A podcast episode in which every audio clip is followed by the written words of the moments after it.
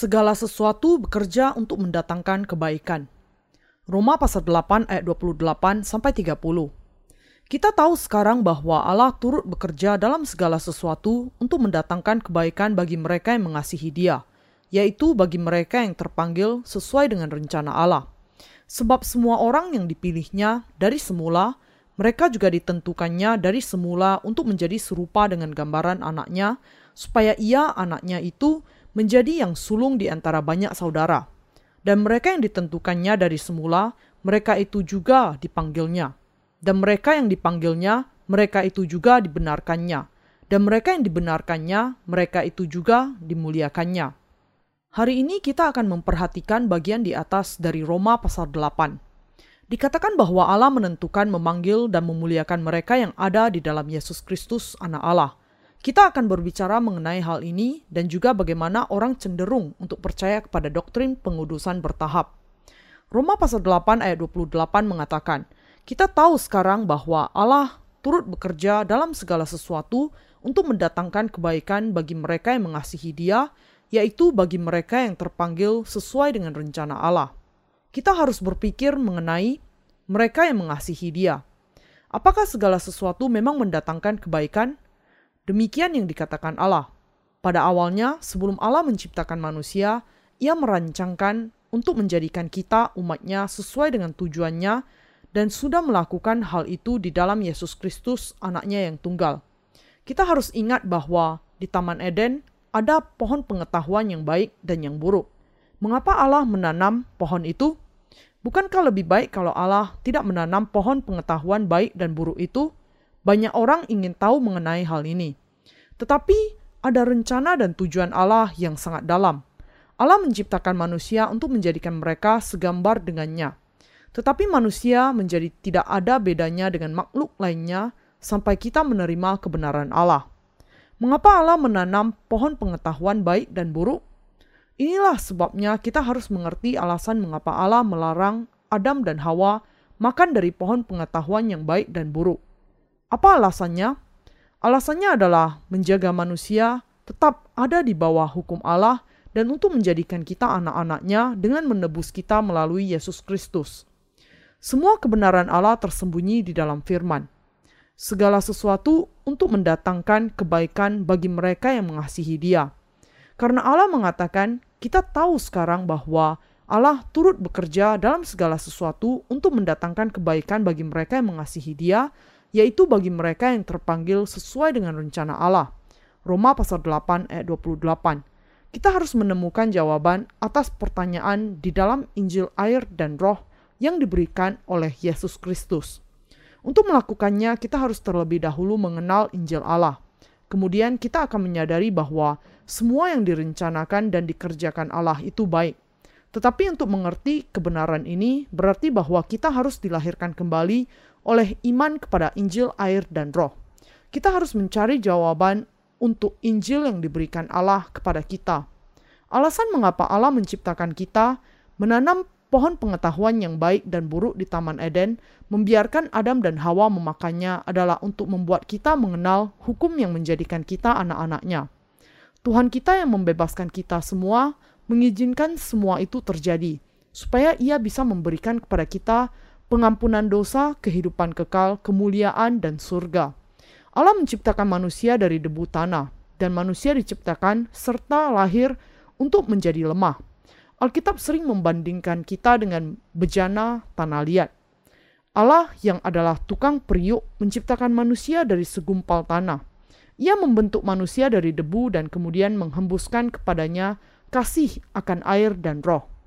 Allah sudah memberikan kepada kita kebenaran air dan roh dan menjadikan kita anak-anaknya sendiri. Tembikar yang dibuat dari tanah liat itu sangat mudah pecah. Demikian juga, Allah pertama kali menciptakan tubuh dan roh manusia untuk lemah supaya bisa menjadikannya anaknya. Tujuannya digenapi oleh Yesus yang menghapus dosa semua manusia dan memakaikan kepada mereka kekudusan Allah memberikan kehidupan kekal kepada mereka dengan membuat mereka dilahirkan kembali dengan Injil, air, dan Roh. Inilah sebabnya Allah membuat kita tidak sempurna pada awalnya dan bukannya tidak bercacat. Mengapa Allah menciptakan manusia untuk lemah sejak awalnya? Mengapa Allah menanam pohon pengetahuan yang baik dan buruk di Eden dan kemudian melarang Adam dan Hawa untuk memakannya? Alasan dibalik semua itu harus dimengerti dan dipercayai di dalam Injil, air, dan Roh.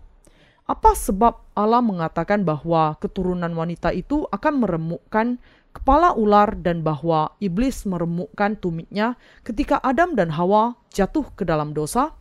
Semua itu untuk menjadikan manusia sebagai anak-anaknya. Semua itu adalah rencananya bagi kita di dalam Yesus Kristus, Anak Tunggalnya.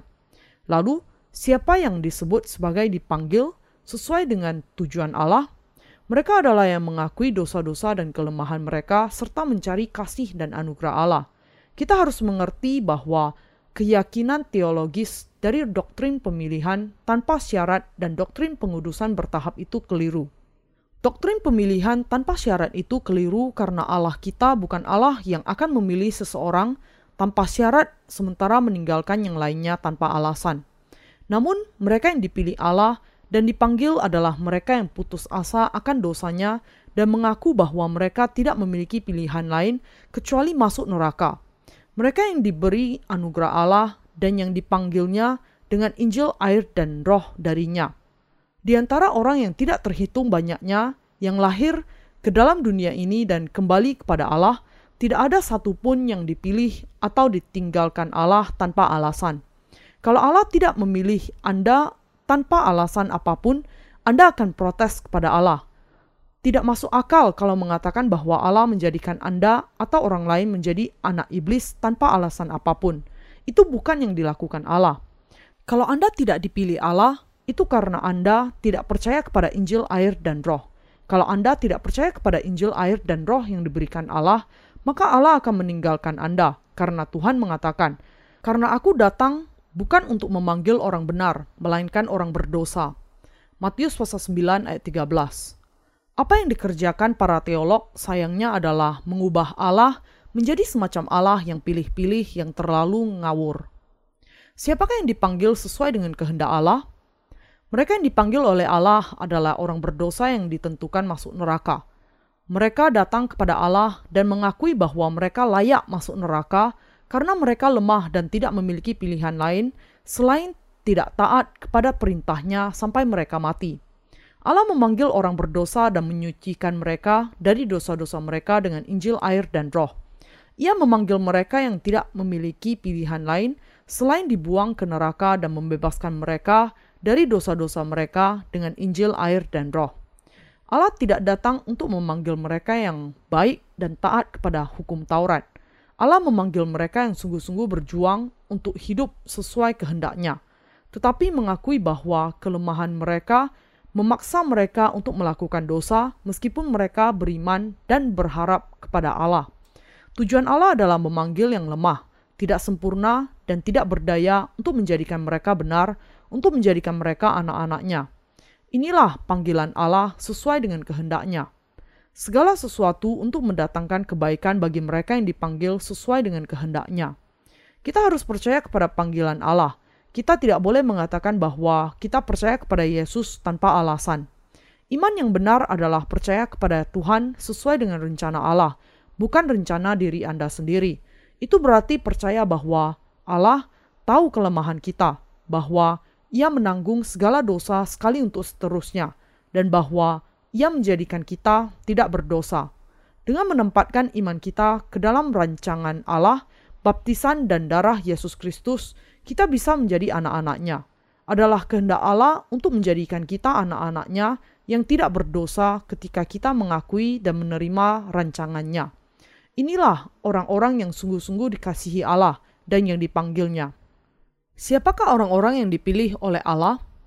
Allah tidak membuat manusia berbaris dalam dua kelompok, lalu mengatakan kepada kelompok yang berdiri di satu sisi, "Datang dan percaya kepada Yesus, serta masuklah ke surga."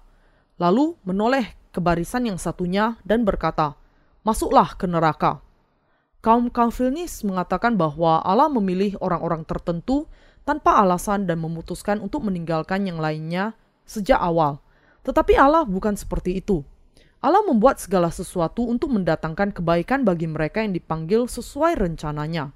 Tidak masuk akal mengira kalau kita dipilih tanpa syarat tanpa alasan apa pun. Apakah Allah itu Allah yang tidak adil? Tentu saja tidak. Semua manusia sejajar di hadapan Allah dan hukumnya. Semua manusia juga sejajar di hadapan penghukuman. Kita sudah menerima anugerah keselamatan dari Allah yang menyelamatkan kita dari dosa-dosa kita melalui Yesus Kristus. Kesempatan untuk percaya itu juga sejajar untuk setiap orang. Ia mengizinkan mereka yang menerima rencana Allah dan mengerti kelemahan mereka untuk percaya kepada Injil, air, dan Roh. Apakah kemudian penentuan dan pemilihan ilahi itu? Itu berarti bahwa kita dipanggil sesuai dengan rencana Allah di dalam Injil, air, dan Roh yang sudah diberikannya kepada kita karena Allah sudah menanggung segala dosa dan merencanakan untuk menjadikan kita anak-anaknya sehingga kita dilahirkan ke dalam dunia ini dan mendapat kesempatan untuk mendengar Injil. Allah sudah merancangkan semua ini di dalam Yesus Kristus sejak awalnya. Inilah rencana Allah. Ketika kita datang ke hadirat Allah, kita terlebih dahulu harus mempertimbangkan apakah kita seperti Yakub atau seperti Esau. Alkitab mengatakan bahwa Allah mengasihi Yakub dan membenci Esau. Juga dikatakan demikian mengenai Kain dan Habel, bahwa Allah mengasihi Habel tetapi membenci Kain. Apakah Allah membenci Esau dan Kain serta mengasihi Yakub dan Habel tanpa alasan? Bukan, itu karena Esau dan Kain percaya hanya kepada kekuatan mereka sendiri, sedangkan Yakub dan Habel mengenal kelemahan mereka, meminta belas kasihan Allah dan percaya kepada firman-Nya. Kitab suci menjelaskan mengenai penentuan dan pemilihan Allah dengan menggunakan orang-orang itu sebagai contoh. Dalam golongan yang mana Anda berada, bisakah kita bertemu Allah kalau kita percaya kepada kekuatan kita sendiri seperti yang dilakukan Esau? Tidak. Satu-satunya cara kita bisa bertemu Allah adalah dengan menemui Dia melalui Injil, air, dan Roh yang penuh dengan belas kasihan Allah. Termasuk dalam golongan yang manakah Anda di hadapan Allah? Kita adalah orang-orang yang ingin diberkati di hadapan Allah, tetapi selalu gagal melakukannya karena kelemahan kita. Meskipun kita ingin hidup sesuai dengan rencana Allah, kita masih lemah dan penuh kekurangan di hadapan Allah. Dan karena itu satu-satunya yang bisa kita lakukan adalah meminta belas kasihannya. Kalau kita ingin diberkati Allah, kita harus seperti Yakub dan memiliki iman yang dimiliki Habel. Kita harus mengakui di hadapan Allah kenyataan bahwa kita lemah, penuh kekurangan dan pengecut. Mazmur pasal 145 ayat 14. Tuhan itu penopang bagi semua orang yang jatuh dan penegak bagi semua orang yang tertunduk. Sebenarnya semua manusia tunduk di hadapan Allah. Kita tidak memiliki keberanian. Kita membuat kompromi untuk keuntungan yang kecil saja. Kita rendah. Kita sering kali nampak berani, tetapi itu hanya dalam hitungan detik. Kalau kita memperhatikan hidup kita secara dekat, kita bisa menemukan dengan mudah betapa kita memang rendah. Kita tunduk kepada yang kuat dan bahkan kepada hal yang tidak benar yang kemudian mendorong kita membuang iman kita. Tetapi Allah memanggil orang-orang yang rendah untuk mengasihi mereka dan memberikan kepada mereka keselamatan di dalam Yesus Kristus dan ia menjadikan mereka anak-anaknya. Kita perlu menyadari betapa lemah dan berdosanya kita supaya bisa dikasihi oleh Allah. Kita harus bertanya, apakah kita bisa sungguh-sungguh taat kepada hukumnya sampai memuaskan secara sempurna? Kita kemudian harus sampai kepada kesadaran bahwa kita tidak bisa menaati hukum Tauratnya, dan bahwa dengan demikian kita tidak bisa menghidupi kehidupan yang sempurna. Kalau saya sempurna, saya tidak akan pernah membutuhkan juru selamat. Kalau kita sempurna, mengapa kita membutuhkan pertolongan dan berkat Allah? Karena kita begitu lemah di hadapan Allah, kita membutuhkan berkat-berkatnya. Kita perlu rahmatnya. Belas kasihan Allah kepada kita begitu kuat sampai ia mengutus anaknya yang tunggal untuk membuatnya menanggung segala dosa dan menghapuskannya. Dan Allah menanggungkan penghukuman atas dosa kepada Yesus dan bukannya kita, sehingga kita dapat dibebaskan dari dosa. Inilah yang harus kita percayai. Hanya dengan iman ini kita bisa menjadi anak-anak Allah yang kekasih. Karena belas kasihanlah kita bisa mengenakan kasihnya, dan bukan karena upaya kita untuk mencapai keselamatan kita. Meskipun banyak orang Kristen mengajarkan dan mengikuti doktrin penentuan dan pilihan, mereka sendiri juga tidak yakin dengan doktrin itu. Ini karena mereka terus-menerus bingung apakah mereka dipilih Allah atau tidak. Kedua doktrin itu menjadi isi dari 90% teologi Calvinis. Pertanyaannya adalah, meskipun mereka percaya kepada Yesus, apakah mereka sungguh-sungguh sudah dipilih atau belum? Dan ini yang membuat mereka tidak yakin. Tetapi sebenarnya bukan apakah Anda terpilih atau tidak yang terpenting, tetapi yang terpenting adalah bahwa Anda percaya kepada Injil, air, dan Roh untuk diselamatkan dengan menerima kebenaran Allah. Mereka yang sudah menerima kebenaran ini dari Allah oleh iman adalah orang-orang yang terpilih. Pernah ada seorang dokter teologi yang dipandang sebagai seseorang yang menguasai teologi konservatif. Ia memberikan penekanan kepada pengajaran akan Calvinisme, seperti doktrin penentuan dan pilihan ilahi. Suatu hari, ia memberikan ceramah mengenai topik ini. Ketika salah seorang siswanya bertanya, "Baik, Apakah Anda dipilih oleh Allah? Bagaimana Anda tahu siapa yang dipilih Allah? Teolog itu menjawab, "Siapa yang tahu? Kita hanya akan tahu kalau kita berdiri di hadapan Allah." Kemudian siswa itu bertanya lagi, "Lalu, apa yang Anda lakukan kalau Anda ada di hadapan Allah dan Allah mengatakan kalau Anda tidak terpilih?" Profesor itu menjawab, "Apa yang bisa saya lakukan terhadap apa yang sudah Allah putuskan?" Itulah sebabnya saya berkata bahwa Anda baru akan tahu kalau Anda berdiri di hadapan Allah. Siswa itu berpikir, ia adalah orang yang sangat rendah hati, bahkan orang hebat seperti dia mengatakan tidak tahu apa dia dipilih atau tidak. Karena itu, memang wajar kalau tidak ada seorang pun yang tahu apakah ia dipilih atau tidak. Tetapi kenyataan di mana kebenaran Allah tersembunyi sekarang sudah dinyatakan, Memang ada beberapa hal yang tidak disingkapkan Allah kepada manusia, tetapi ia menyatakannya pada waktunya. Bagaimana mungkin penginjil memberitakan Injil kalau ia tidak tahu apakah ia sendiri diselamatkan dan dipilih atau tidak?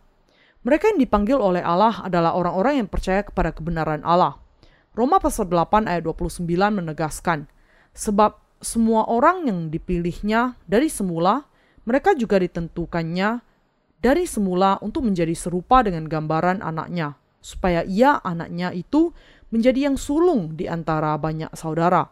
Allah Bapa menentukan untuk menjadikan kita serupa dengan gambaran anaknya, Yesus Kristus, sehingga ia menjadi yang sulung di antara banyak saudara.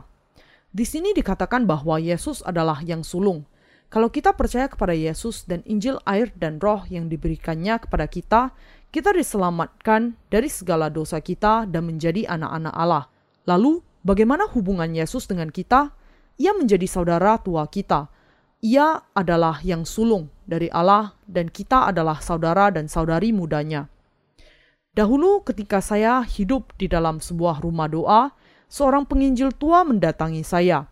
Ia mulai percaya kepada Yesus ketika ia ada di Cina dan kemudian datang ke Korea. Saya mendengar ia berdoa suatu hari, dan inilah yang dikatakannya. Saudaraku, Yesus dan Allah Bapa, terima kasih karena menyelamatkan aku.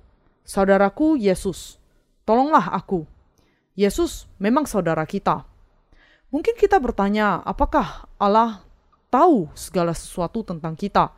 Jawabannya adalah ya, ia tahu segala sesuatu tentang kita. Allah Bapa tahu segala sesuatu tentang kita ia sudah merencanakan untuk menyelamatkan kita dari segala dosa melalui anak tunggalnya bahkan sebelum penciptaan dunia ini. Inilah rencana Allah.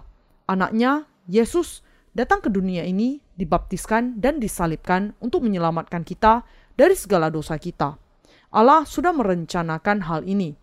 Kita bisa berkata bahwa sebelum dasar dunia diletakkan, Allah mengadakan konferensi triparti. Allah Tritunggal, Bapa, Putra, dan Roh Kudus merencanakan untuk membebaskan mereka yang percaya kepada kebenarannya. Rencananya adalah untuk menciptakan manusia dan menjadikan mereka anak-anaknya untuk hidup bersama dalam kemuliaan kerajaannya. Bapa, Anak, dan Roh Kudus semua setuju dengan rencana ini.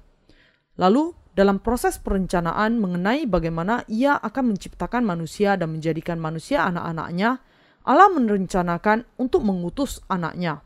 Yesus ke dalam dunia dan supaya ia dibaptiskan dan mati di kayu salib sehingga manusia bisa menjadi serupa dengan gambaran anaknya.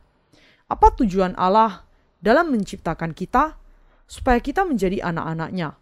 Apakah Yesus yang sulung dari Allah? Ya, dialah. Dan karena kita juga menjadi anak-anak Allah, kita adalah saudaranya.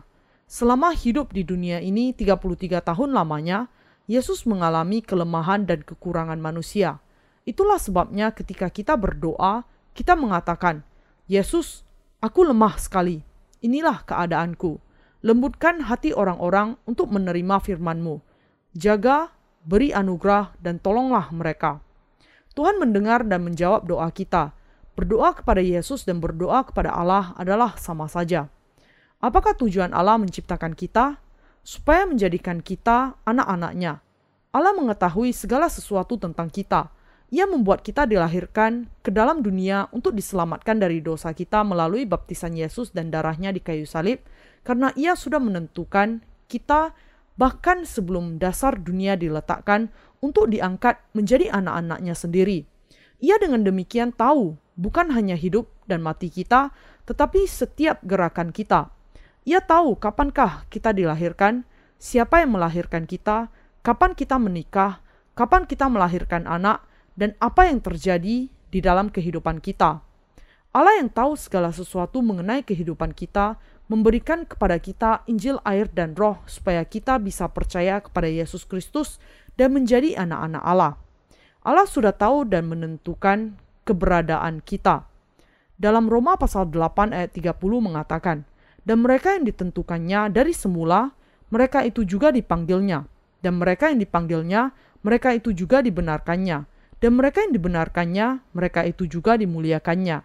Saya tidak bisa cukup menekankan pentingnya bagi kita untuk mengerti bagian ini.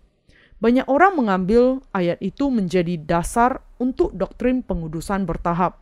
Berdasarkan ayat ini, bahwa Allah menentukan, memanggil, membenarkan, dan memuliakan kita, mereka mengatakan bahwa inilah sebabnya meskipun kita memiliki dosa di dalam hati, Allah menganggap kita tidak memiliki dosa.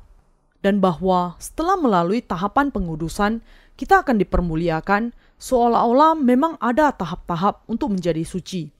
Bukankah Allah menentukan semua orang berdosa dan memanggil mereka di dalam Yesus Kristus? Ia memanggil kita semua, tetapi beberapa orang memang tidak menanggapi panggilannya. Mereka seperti Esau dan Kain. Mereka adalah orang-orang yang akan dibuang ke neraka.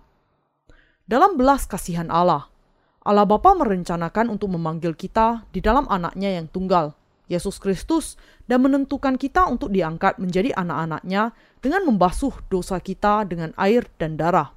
Manusia yang masih tidak mau datang kepada Allah meskipun sudah dipanggilnya berada di luar keselamatan. Orang-orang seperti itu berada di luar anugerahnya dan ditentukan untuk masuk neraka. Tetapi ada juga orang-orang yang taat kepada panggilan Allah.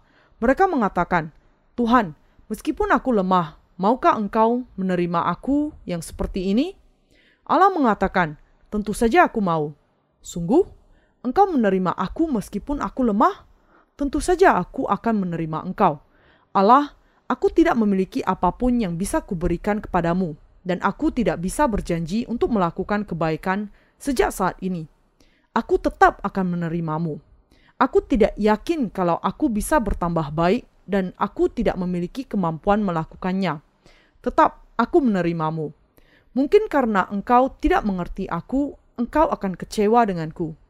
Bukankah kita sering merasa malu dan mau bersembunyi ketika kita tahu bagaimana keadaan kita, tetapi ada orang yang mengatakan kalau ia sungguh-sungguh percaya kepada Anda? Mengapa kita ingin bersembunyi? Kita ingin bersembunyi karena kita tidak bisa menjadi baik dan tidak bisa mempertahankan apa yang telah selama ini kita lakukan. Inilah sebabnya kita harus bertanya, maukah engkau menerima aku dalam kelemahanku? Sungguhkah engkau mau menerima aku? Bahkan bolehkah aku percaya kepadamu? Bisakah orang seperti aku menerima pengampunan dosa? Bisakah orang seperti aku menjadi orang benar ketika aku sama sekali tidak bisa melakukan kebaikan, bahkan di masa yang akan datang sekalipun?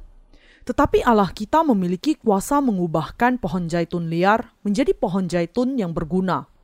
Kita pada dasarnya adalah pohon zaitun liar yang menjadi liar karena alam tetapi kita menjadi berguna karena Injil yang diberikan Yesus kepada kita.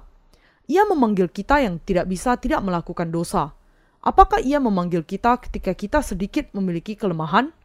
Ia memanggil kita bahkan ketika kita sama sekali tidak memiliki kemampuan. Ia memanggil kita di dalam Yesus meskipun kita memiliki kekurangan yang serius dan kelemahan yang parah. Ia memanggil kita yang tidak memiliki kekuatan. Apa yang dilakukannya setelah memanggil kita? Ia menghapus segala dosa kita dan memberikan kepada kita kebenarannya sehingga kita memiliki kehidupan yang kekal. Bagaimana ia melakukan semuanya itu? Dalam Matius pasal 3, dikatakan bahwa Yesus datang ke dunia dan dibaptiskan untuk menggenapi seluruh kebenaran yang ditentukan Allah bagi semua manusia. Yesus dibaptiskan oleh Yohanes menanggung ke atas dirinya segala dosa manusia, mati di kayu salib menanggung segala dosa mereka, dan bangkit pada hari yang ketiga untuk menyelamatkan mereka dari segala dosa dunia. Ia memberikan kepada kita kehidupan yang baru, dan dengan melakukan hal itu, Ia membenarkan kita dan menghapus segala dosa kita. Yesus memanggil kita menghapus segala dosa kita dengan air dan darah, memberikan kepada kita kebenaran Allah, menjadikan kita tidak berdosa, dan kemudian memuliakan kita yang dibenarkannya, menjadikan kita anak-anak Allah. Yesus memuliakan kita untuk masuk ke surga dan hidup kekal sebagai anak-anak Allah. Apakah Anda mengerti hal ini? Tetapi doktrin keagamaan yang mengajarkan bahwa meskipun Anda orang berdosa, kalau Anda percaya kepada Yesus, Anda akan secara bertahap menjadi kudus, dan saat Anda mati, Anda berdiri di hadapan Allah sebagai orang yang sempurna. Ini melawan kebenaran. Ini bukan iman yang benar. Iman ini adalah doktrin pengudusan, bukan kebenaran. Tuhan menyelamatkan kita dari dosa kita dan Allah menentukan kita, memanggil kita, menghapus segala dosa kita dengan air dan darah, sekali untuk selamanya menjadikan kita anak-anaknya yang dikuduskan dan memberkati kita, sehingga kita bisa masuk kerajaan Allah dalam kemuliaan. Inilah kebenaran, dan demikianlah cara ia mengatakan kebenaran, dengan meletakkan semua berkat di dalam Yesus Kristus sekali dalam satu kalimat. Bagian ini bukan berbicara mengenai tujuh tahap dalam doktrin pengudusan bertahap. Tidak dikatakan bahwa kita akan secara bertahap menjadi sempurna setelah menjalani tujuh tahap untuk sungguh-sungguh dikuduskan. Roma pasal 8 ayat 30 tidak mengatakan bahwa Allah akan memanggil kita setelah kita percaya kepada Yesus supaya kita bisa dikuduskan sejalan dengan bertambahnya usia kita.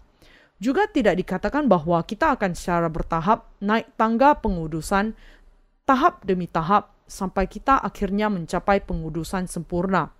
Ketika kita mengenal Yesus Kristus dan Yesus Kristus memanggil kita, ia mengampuni dosa kita sekali untuk selamanya dengan air dan darah. Ketika kita datang kepada Allah dengan kebenaran itulah kita akan diterima dengan tangannya yang terbuka. Beberapa orang mengatakan, saya belum pernah tahu dosa saya sebelumnya, tetapi setelah mendengar khotbah, saya mulai menyadarinya. Ada satu atau dua dosa yang saya ingat dari masa lalu yang mungkin tetap saya lakukan di masa yang akan datang. Jadi, saya tidak yakin kalau saya bisa percaya kepada Allah. Tetapi itu tidak benar. Kita justru harus berpikir, "Ah, itu benar." Saya tidak tahu dosa-dosa saya bahkan ketika saya melakukannya. Semua firman Allah itu benar. Saya harus percaya kepada firman-Nya, tetapi saya tidak bisa menaatinya. Saya tidak bisa mengelak kalau saya berdosa besar dan harus masuk neraka. Itulah sebabnya Yesus datang. Kita menjadi tidak berdosa dengan percaya kepada Yesus dan menerima pengampunan dosa. Kita dikuduskan dan menjadi anak-anak Allah. Karena kita sudah menjadi anak-anak Allah, kita bisa masuk ke dalam surga dan dimuliakan. Inilah kebenaran Allah dan kebenaran. Allah menentukan kita memanggil kita, membenarkan, dan memuliakan kita. Mungkin Anda berpikir kalau doktrin pengudusan bertahap itu benar dan mengatakan, "Saya akan secara perlahan berubah dan menjadi orang tidak berdosa." Tetapi Anda dibenarkan dan dikuduskan sekali untuk seterusnya pada saat Anda percaya kepada Injil, air, dan Roh. Hati Anda tidak berubah secara bertahap. Hati Anda menjadi tidak berdosa sekaligus, dan iman Anda lah yang secara bertahap bertumbuh saat Anda percaya kepada firman Allah dan gerejanya. Iman kita bertumbuh secara bertahap setiap kali kita diberi makanan firman Allah. untuk pada akhirnya kita sampai kepada titik di mana kita bisa mengajar orang lain. Tetapi penegasan yang mengatakan bahwa kita akan menjadi anak-anak Allah setelah kita menjadi semakin sempurna dan semakin tidak berdosa, tidak didasarkan kepada Alkitab. Kita menjadi kudus dan tidak berdosa sekaligus. Apakah Allah memanggil kita sesuai dengan penentuannya di dalam Kristus Yesus? Ya, demikian. Ia memanggil kita di dalam Yesus Kristus dan menjadikan kita tidak berdosa. Allah membenarkan dan menjadikan kita tidak berdosa melalui Yesus Kristus, mengangkat kita sebagai anak-anaknya, dan memuliakan kita untuk masuk ke dalam kerajaannya. Kita menjadi benar sekaligus dengan percaya kepada keselamatan Yesus Kristus yang menggenapi segala kebenaran Allah. Kita diberkati karena kita taat kepada panggilan Allah dan percaya bahwa Yesus menanggung segala dosa kita untuk membuat kita meskipun dengan kelemahan kita tidak berdosa dan anak-anak Allah yang benar umat kerajaannya. Itulah sebabnya doktrin pengudusan itu tidak benar. Hal itu tidak masuk akal. Alkitab dengan jelas mengatakan kepada kita, dan mereka yang ditentukannya dari semula, mereka itu juga dipanggilnya, dan mereka yang dipanggilnya, mereka itu juga dibenarkannya, dan mereka yang dibenarkannya, mereka itu juga dimuliakannya.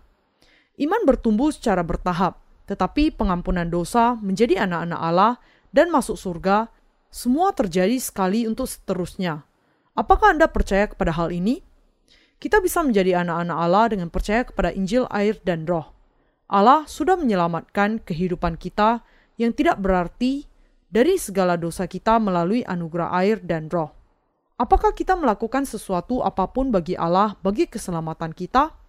Apakah kita menyumbangkan sesuatu bagi pembenaran kita?